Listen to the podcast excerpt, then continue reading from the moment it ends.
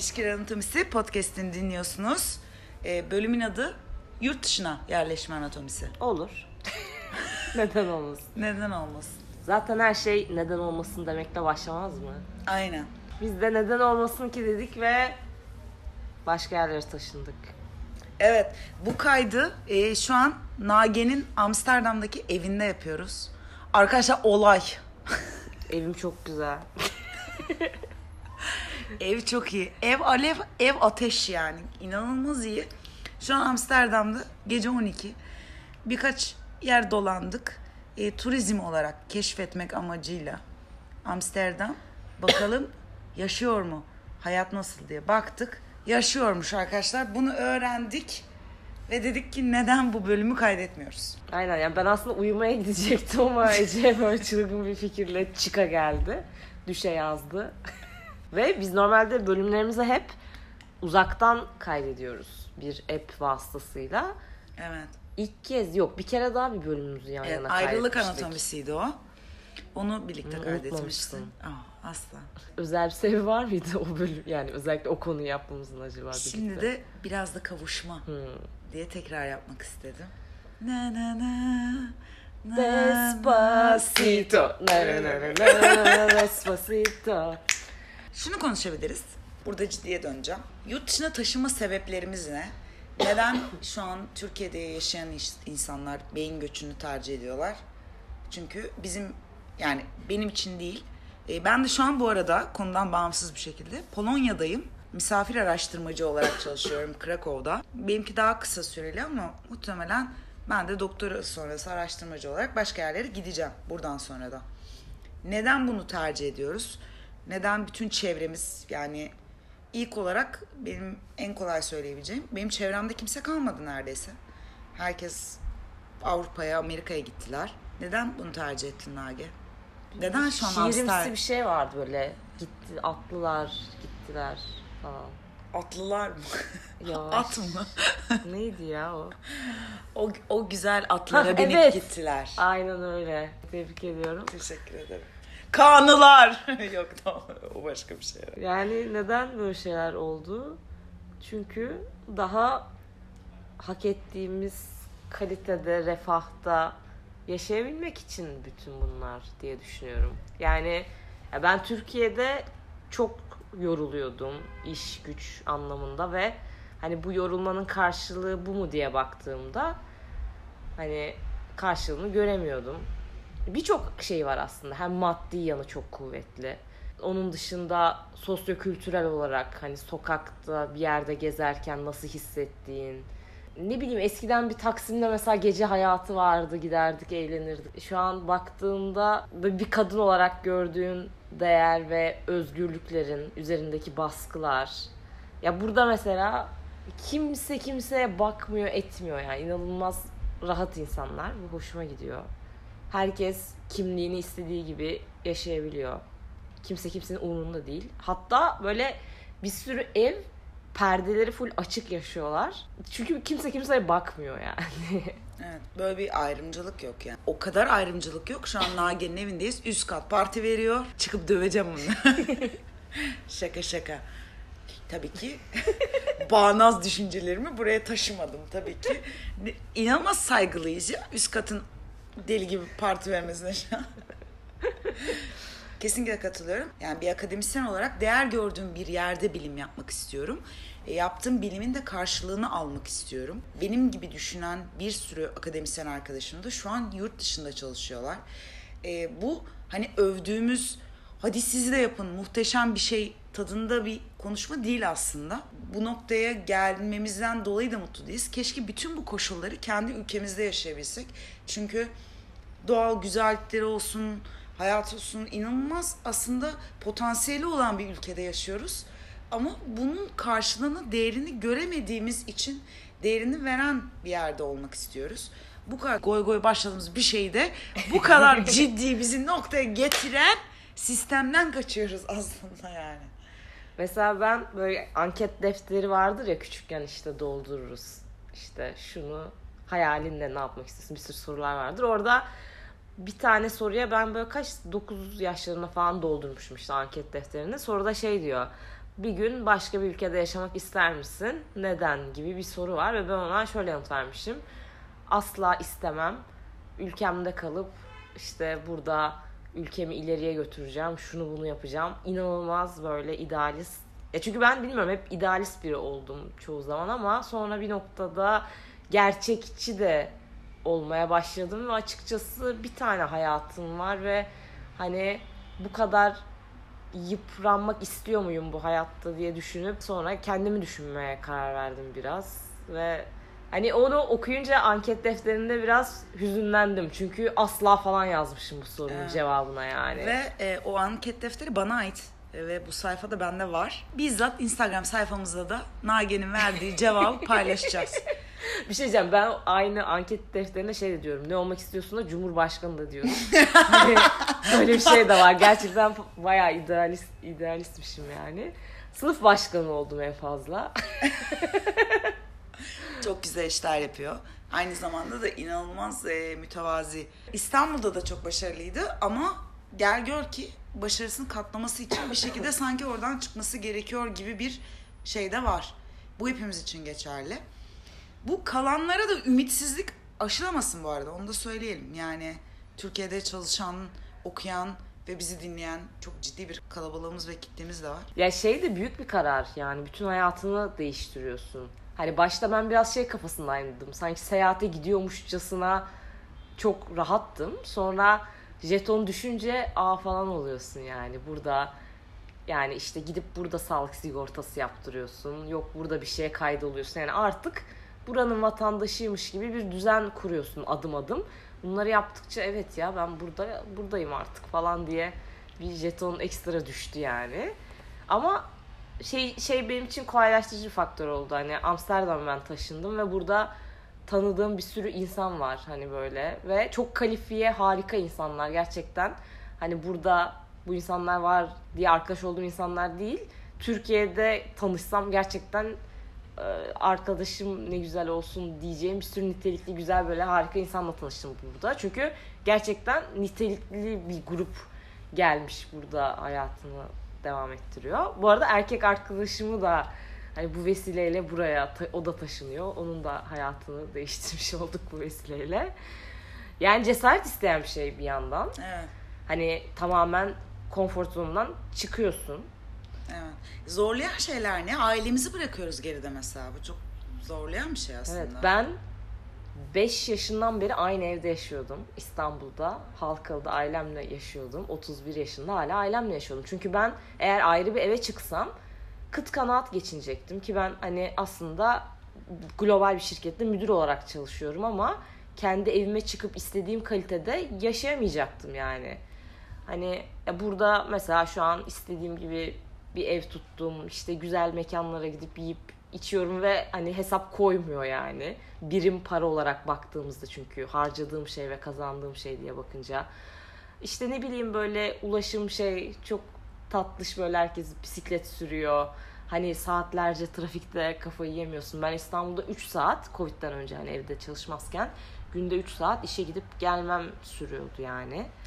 Hani daha sana zaman kalıyor ve kaliteli geçirebiliyorsun vaktini gibi görüyorum şu an deneyimlerimde. Yani birim mantığı çok mantıklı ama ben mesela şu an euro kazanmayan biri olarak her şeyi TL'ye çeviriyorum. Hoş değil. Ben de ilk hafta geldim. Diş macunu alacağım.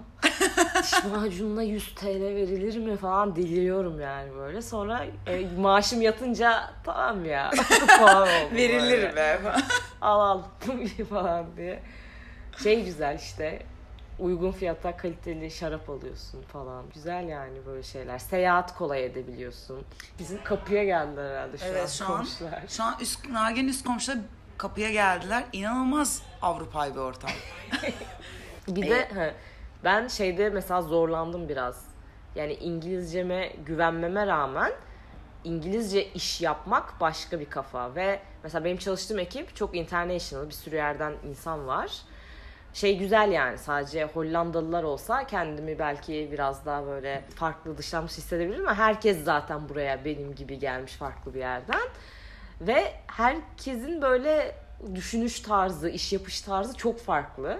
hani Türkiye'den çok farklı bakış açıları var yani. Ha zorlandığım şey söyleyecektim. Dil anlamında beklediğimden daha çok zorlandım. İşte kısaltmalar, böyle inside joke'lar, bir şeyler. Böyle herkes bir de farklı bir aksanda, hızda konuşuyor. Ama Hollanda, Almanya gibi ülkeler İngilizce friendly yani İngilizce açık ülkeler yani bir şekilde. Ama atıyorum benim gibi tuttunuz tercih ettiniz Polonya'dasınız. Çok açık değiller İngilizceye.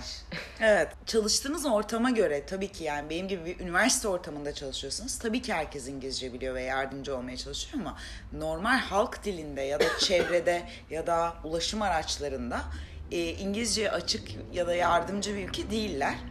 E, ama e, bu şeyde değil yani. Irkçılar sizi orada istemiyorlar, bunun için mücadele veriyorlar, kimse sizinle İngilizce konuşmuyor gibi bir şey değil.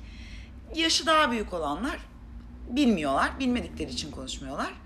E, yaşı genç olanlar da elinden geldiğince yardımcı olmaya çalışıyorlar.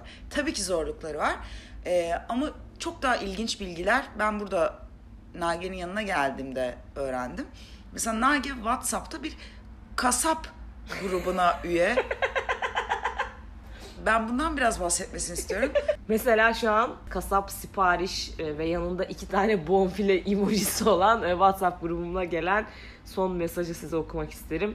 Yarım kilo süt dana şinitsel, 2 kilogram dana kuşbaşı, 1 kilogram dana kıyma, 2 adet koska kağıt helva, isim vermeyeyim e, ve adresini söylemiş. İşte buraya sipariş. Şimdi ben buradan e, Türkiye'den bizi dinleyen herkese sesleniyorum. Siz evinize koska kağıt helva söylediniz mi arkadaşlar? WhatsApp grubundan. Yani ben sanmıyorum ki bizi dinleyen hiç kimse bugüne kadar evine kağıt helva söylemiş olsun. Güzel avantajları var, dezavantajları var. Dışına yerleşme kararı zor bir karar. Onu temelli söyleyebiliriz. Gönül isterdi şu an size istatistik bilgisi verelim. Normalde her bölüm veriyoruz. Şu kadar insan. Bugün mesela Nagi'nin kardeşi yollamış bize. Mutluluk sıralaması, dünya mutluluk sıralamasını yollamış. Hollanda 5. sıradaymış dünya mutluluk sıralamasında. Türkiye 113. sıradaymış mesela. Alın istatistik. Ben zaten kafam güzelken sürekli Amsterdam övüyorum. Şey gibi bir tane karikatür var ya Tarkan övdü, övme. Daha Abi yeni ben övdüm abi.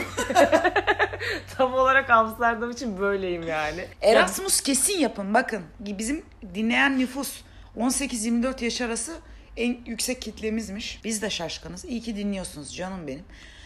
Erasmus şansınız varsa kesin yapın. Ya bir de üniversitede ben mesela iş hayatında para kazanmaya başladım ama üniversitede gezdiğim kadar hiçbir zaman gezmedim. Çünkü gerçekten üniversite süresince başvurup gidebileceğiniz burs bulup ücretsiz falan o kadar çok şey var ki ben yani üniversiteyi amaç değil araç olarak okudum. Bunu böyle itiraf ediyorum. İyi ki de öyle yaptım.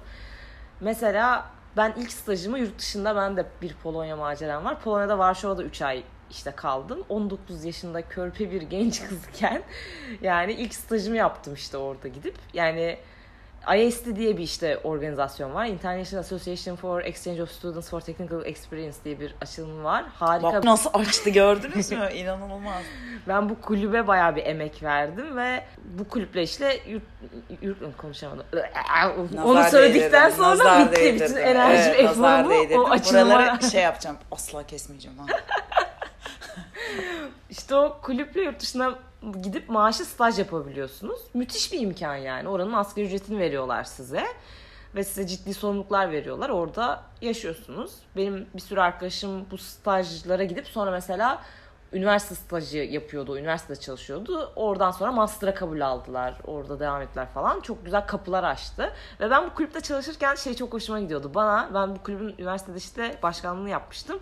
Kaç kişi bana gelip dedi ki işte Nagihan senin böyle cesaretlendirmenle ilk defa hayatımda yurt dışına çıktım. İşte kendime güvenim geldi. Ya. İşte sonra benim için hani çok böyle vizyonumu geliştiren, değiştiren bir şey oldu. Teşekkür ederim de insanlar böyle şeyler söylüyordu. İnanılmaz mutlu oluyordum yani. Hani şey değil gerçekten yurt dışına gitmek için evet şu an kur inanılmaz kötü bir halde. Evet, Eskiden çok daha evet, kolaydı evet. tabii ki ama hani gerçekten fırsatlar var. Sonra mesela Best kulübü diye bir şey var. Bunun açılımında Board of European Students for Technology Helal olsun. Bu daha kolay söylemesi. Bu da daha çok böyle mühendislik öğrencilerinin farklı ülkelerde yaklaşık 10 günlük kurslar almasını sağlayan bir öğrenci organizasyonu. Bunun da kursun parası bayağı cüzi paralar ve hani yemeniz, içmeniz, kalmanız her şeyi bunun içinde sağlıyorlar. Kimse de ücretsiz bu kursların. Bir başvuru mektubu yazıyorsunuz, ona gidiyorsunuz. Ben mesela 3 tane kursa gittim. Bir İtalya'da, bir Romanya'da, bir de İspanya'da. Ve yani böyle çok güzeldi ya. Gündüz kurs görüyorduk, akşam partiliyorduk ve 10 gün boyunca aralıksız yani böyle bitene kadar. Yani işte gençlik artık 30 yaşlarda şeyler yapamıyoruz da. Ya buradan deli gibi bir network'üm oldu. Bizi dinleyen gençlere sesleniyoruz. Kurun çok kötü olduğunun, çok umutsuz göründüğünün farkındayız. Ama işte Erasmus Best bu tarz imkanlarınızı elinizden geldiği kadar kullanın. Emin olun e, size verilen hibe bir şekilde yetecektir. Başlangıçta çok sıkıntılı şeyler yaşayacaksınız. Ne gibi? Hemen örnekler vereyim. Şu an BFS Global'da bu gideceğiniz Erasmus ülkeleri için bile vize randevusu bulmak inanılmaz sıkıntılı. Bununla ilgili sıkıntı yaşayacaksınız. Bilet fiyatlarının yüksekliği bilmem ne. Ben verilen bu hibeyle bana yeter mi gibi strese gireceksiniz. Ama aldığınız riskle karşılığı birbirine denk olacak. Bu hayat tecrübesi sizin ileride değerlendirebileceğiniz bir tecrübe olacak. Ee, bu imkanlarınızı, bu burs şanslarını değerlendirebilirsiniz. Belki biz de biraz Instagram'ımızda e, bu tarz kurslarla ilgili bir şey paylaşabiliriz. Yardımcı Hmm, olabilecek, fikir sahibi olabilecek, bunlara bakın diyebileceğimiz şeyler paylaşabiliriz.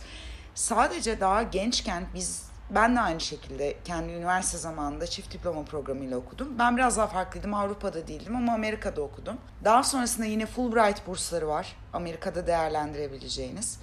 Ee, biraz araştırma. Mone var bayağı. O da çok iyi bir burs. Bunlara bakın. Gençliğinizde şu an koronadan çıktınız. Bu imkanları görmediniz. Biraz sıkışıktı her şey. Farkındayız. Ve şu an kur çok aldı başını gidiyor. Çok korkutucu her şey. Ama yine de biraz zorlamayla neden yapmayasınız yani?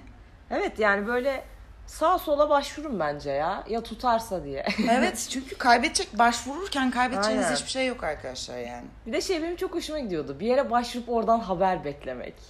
Çok heyecanlı güzel bir süreç yani. Bir umudum var orada yani. Evet sonunda hayal kırıklığı da olabilir ama hani ne kaybedeceksin? Yani olduğun yerden daha kötü bir yere gitmeyeceksin sonuçta hani. O yüzden kaybedeceğim bir şey yok, risk yok yani. Başvur gitsin. Mesela heysuccess.com diye bir web sitesi vardı. Ben oradan bir sürü işte böyle workshoplar, programlar, programlar kovalıyordum. Oradan mesela bir tane program buldum. Ürdün'e gittim. Avrupa Birliği Bakanlığı bursuyla. Orada işte Türkiye'yi bir şeyde temsil ettim falan. Her şeyimi böyle devlet karşıladı falan. Sonra One Young World diye bir şey var. Ee, Her sene farklı bir ülkede bir öğrenci, öğrenci değil de gençlik buluşması yapıyorlar. Genç Davos gibi anılan bir şey. Sabancı Holding mesela her sene Türkiye'den e, 10 öğrenciyi yolluyordu. Hala devam ediyor mu emin değilim ama ediyor galiba. Mesela onunla Amerika'ya gitmiştim falan. Yani gerçekten böyle yeterince oraya buraya başvurursan gidilebilecek bir sürü güzel şey var yani. Hani aklım şey yaptıklarımdan asla pişman değilim. Aklım yapamadıklarımdan. Aklını hala yapamadıklarımda. Work and travel yapamamıştım mesela. O bir içimde kalan bir ukdedir ama o da çok pahalıydı ya. Ona bir para falan veriyorsun ya. O yüzden Evet. param Ama çalışıp mesela. karşılığını alıyorsun yapanlar da Evet. çok mutlu. Biraz daha o biraz daha uzak diğerler işte Amerika tarafında yapıldığı için işte biraz daha zorlu geliyor. Ama e, onu da yapın. Yani onların kazandırdığı hayat tecrübesini daha ileriki yaşta ya bizim gibi mesleki olarak değerlendirirsiniz iş bulma anlamında. Ama o gençliğinizi değerlendirmek açısından çok değerliler bence. Hepsi ayrı ayrı değerli. Bir de ben böyle her şeyi böyle ileriye yatırım yatırım olsun diye değil de anı yaşamak için yani bunlar hep Evet. diye de bakıyorum. Yani bunları yaparken aslında ben hiç aa ileride şunu yaparım diye hiç bakmadım yani. You only live once mı dedin? Aynen YOLO kafasıyla yaptım hepsini. Sana helal olsun. Bu yola da deli. Nage'den bir örnek vermek istiyorum size arkadaşlar. Bir akşam Kayıştan'daki evimde oturuyorum. Yarın diyor neydi Bestim miydi? Yine bu kurslarından bir bu bağlantılardan birinin Kapadokya gezisi için diyor ki bir grup yabancıyla Kapadokya'ya gezi yapıyoruz. Bu diyor işte Avrupalı mühendislerin Ha Türkiye o sırada işte biz nasıl ki yurt dışına maaşlı staj yapmaya gidiyoruz aynı şekilde İstanbul'a da bir sürü staj yapmaya gelen Aynen. arkadaşımız oluyordu. Biz Aynen. onların işte bir sürü şeyle ilgileniyorduk. Onları eğlendiriyorduk, gezdiriyorduk, geziler düzenliyorduk. bu ortamlara girerseniz, bu insanlarla tanışırsanız bu sadece sizin yurt dışındaki kariyerinize ya da ben Avrupa'yı gezeyim için de geçerli değil. Yurt dışından gelen birçok insanla da aynı şekilde Türkiye içerisinde muhatap olma şansınızı da artırıyor. Böyle bir e, avantajı da var aslında. E, o da sizi bu işte uluslararası ortama çok daha genç yaşta hazırlıyor. Çok daha farklı kültürlerden arkadaşlar edinmenizi sağlıyor. Ve onlarla iletişim kanallarınızı uzun yolda tutarsanız da bir sürü farklı ülkeden başka arkadaşlarınız oluyor. Ve onlarla görüşmeye devam ediyorsunuz. E, çok basit bir şekilde söyleyebiliriz ki benim bizim bu bahsettiğimiz anılar bizim üniversite zamanımızdan kalma. Üstünden geçti 6-7 yıl. Hala o insanlarla iletişim halindeyiz. E, farklı ülkelere gittiğimizde haber alıyoruz, görüşüyoruz, konuşuyoruz. Bence bunlar çok değerli şeyler. Sen gitmek istemezsen, gidemeyeceğini düşünürsen de yine senin ülkene gelen diğer arkadaşlarınla tanışma ve bir şekilde bir arkadaşlık kurma, onu uzun vadeye taşıma şansına ulaşıyorsun. Diline güvenmiyorsan o dilini geliştirecek fırsatı yakalıyorsun. Bence bu da çok değerli. O korkunu yenmeni sağlıyor. Mesela şey Girl Gun International diye Facebook'ta gruplar var. Girl Gun International İstanbul Facebook grubuna üye olursanız dünyanın farklı yerlerinden İstanbul'a gelmiş bir sürü kadın var o grupta ve işte İstanbul'da zaman geçirecek kendilerine arkadaşlar arıyorlar. Hani girl power yani öyle kız kıza bir hani e, ekip. Aynı grup Amsterdam'da da var mesela. Ne bileyim oraya girin insanlarla işte tanışın. Güzel güzel şeyler bunlar. Aklıma şey geliyor. Benim bu kurslardan birine tanıştığım İspanyol bir arkadaşım sonra Erasmus yapmaya İstanbul'a geldi. Çok da sevdiğim bir arkadaşım. Çocuk işte Türkiye'de yaşıyor, Mecidiyeköy'de oturuyor. Ee, ve böyle biraz Türkçe bir şeyler öğrendim dedi bana. Ne öğrendin dedim. Ne öğrenmiş biliyor musun? Kaptan orta, orta kapı. öğrendiği şey çocuğun hayatta kalmak için öğrendiği çok önemli bir şey yani kaptan orta kapı. bir de ha IST dedim kulüp. Bu IST mühendislik öğrencileri için. Bir de Isaac var. O daha çok sosyal bilimler öğrencileri için. Bir de bu Erasmus'un artık Erasmus Plus falan böyle yeni bir şeyleri çıktı. İşte Master'da da gidiliyor. Sonrasında bir şeylere de gidiliyor falan. Hani sürekli bunları kovalamak lazım yani. Artısını eksisini daha istatistik olarak belki o bölümde konuşuruz. Belki biraz ben şeyden de bahsedebilirim. Mesela ben şimdi burada ya yani ülkeden ülkeye değişen de kurallar da var. Tabii. Hollanda'da işte bir işe kabul aldım ve Hollanda şeye izin veriyor. Sen evli olmasan da partnerim dediğin kişiye de senin gibi çalışma ve yaşama izni çıkartıyor. Evli olmak zorunda değilsin. Eş evli olsan zaten çıkartıyor.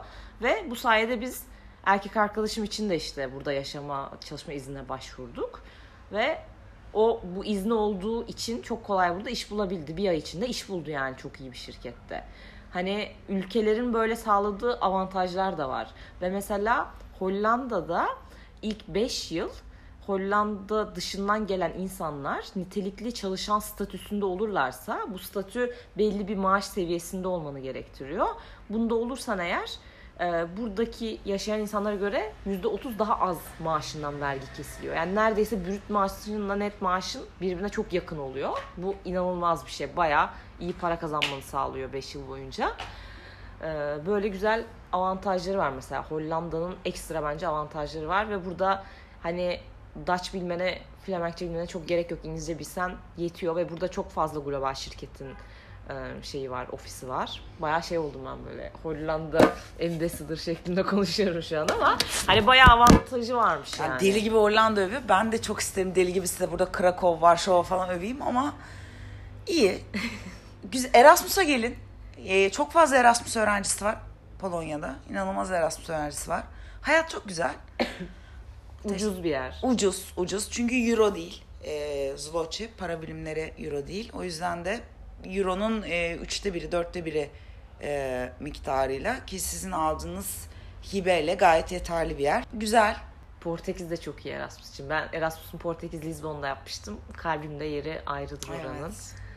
Yani bir şey acayip başka oluyor ya bir Akdeniz ülkelerinin vibe'ı da başka yani. Tabii Özellikle İtalya falan da çok. Partilemek için falan Lisbon yaşamak için muhteşem bir şehir. Ben bu arada Lisbon'da da iş arayıp çalışmak isterdim ama orada iş yok yani. Lisbon'dakiler de Hollanda'ya geliyor daha çok. O yüzden Yani gençseniz değerlendirin. Üniversite hayatınızı değerlendirin. Gençliğinizi değerlendirin. Ülkede olmak istemekle ilgili de bir sıkıntı yok. Ee, zoru o. Zoru tercih ediyorsanız bizim saygımız daha çok zaten. Biz Ya sa- bu arada yani İstanbul keyfi yerine çok olan da var. Ya ben mesela annem babam çok belki zengin olsa falan ve böyle hani bir yaşam mücadelesi derdim o kadar olmasa İstanbul'da kendi halkan içinde çok mutlu bir yaşamda sürebilirsin. Ama yine de bu kadınların gördüğü muamele sürekli mesela politikayla meşgul olmak zorunda olmak. Ya arkadaşlar yani biz çok bak yorucu. yani şu- çok tek örnek vereceğim yani. Biz hepimiz hadi tamam Sağlık Bakanı'nın adını falan biliyoruz artık.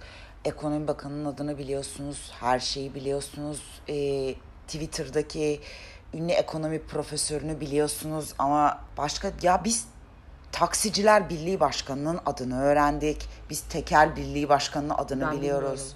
Ya örnek veriyorum yani. Bunlar bunların beyanlarını sürekli dinliyorsun yani. Ya sen Taksiciler Birliği Başkanı bilmiyor musun? Bilmiyorum. Hafif toplu, bıyıklı adamı görmedin mi sen? Ya işte anladınız mı? Beni dinleyenler biliyor adamı yani. Bu bilmiyor. Yerleşti Amsterdam'ı. O adamı unuttu yani. Aradaki farkı anladınız mı? Hepimiz biliyoruz o Taksiciler Birliği Başkanı'nı. Beni dinleyenler. Sizin bildiğinizi biliyorum o bıyıklı adamı. Yani kendine kendini dert edinmeye enerjin, vaktin kalmıyor. Size Nage'de örnek vereceğim. Burada bak, burada kurslara gitmeye başlamış. Salsa kursuna gitmiş burada. Bana diyor ki, ama bir şey soracağım. Biraz zorlayıcıydı çünkü ben çaça biliyorum. bak, dedim ki çıkar o çantandaki derdini, butonunu, bas artık dedim. Arrivederci o zaman. Kendinize iyi bakın çocuklar. Çocuklar kim ya? Kendinize iyi bakın arkadaşlar. Çocuk merhaba Doğa kanalda Güneş, çocuk kulübü gibi oldu. merhaba bulut kardeş. Merhaba güzel çiçek. Merhaba sevgili çocuklar. Ay Anneler, babalar, amcalar, teyzeler, halalar, enişteler. Merhaba, merhaba. merhaba.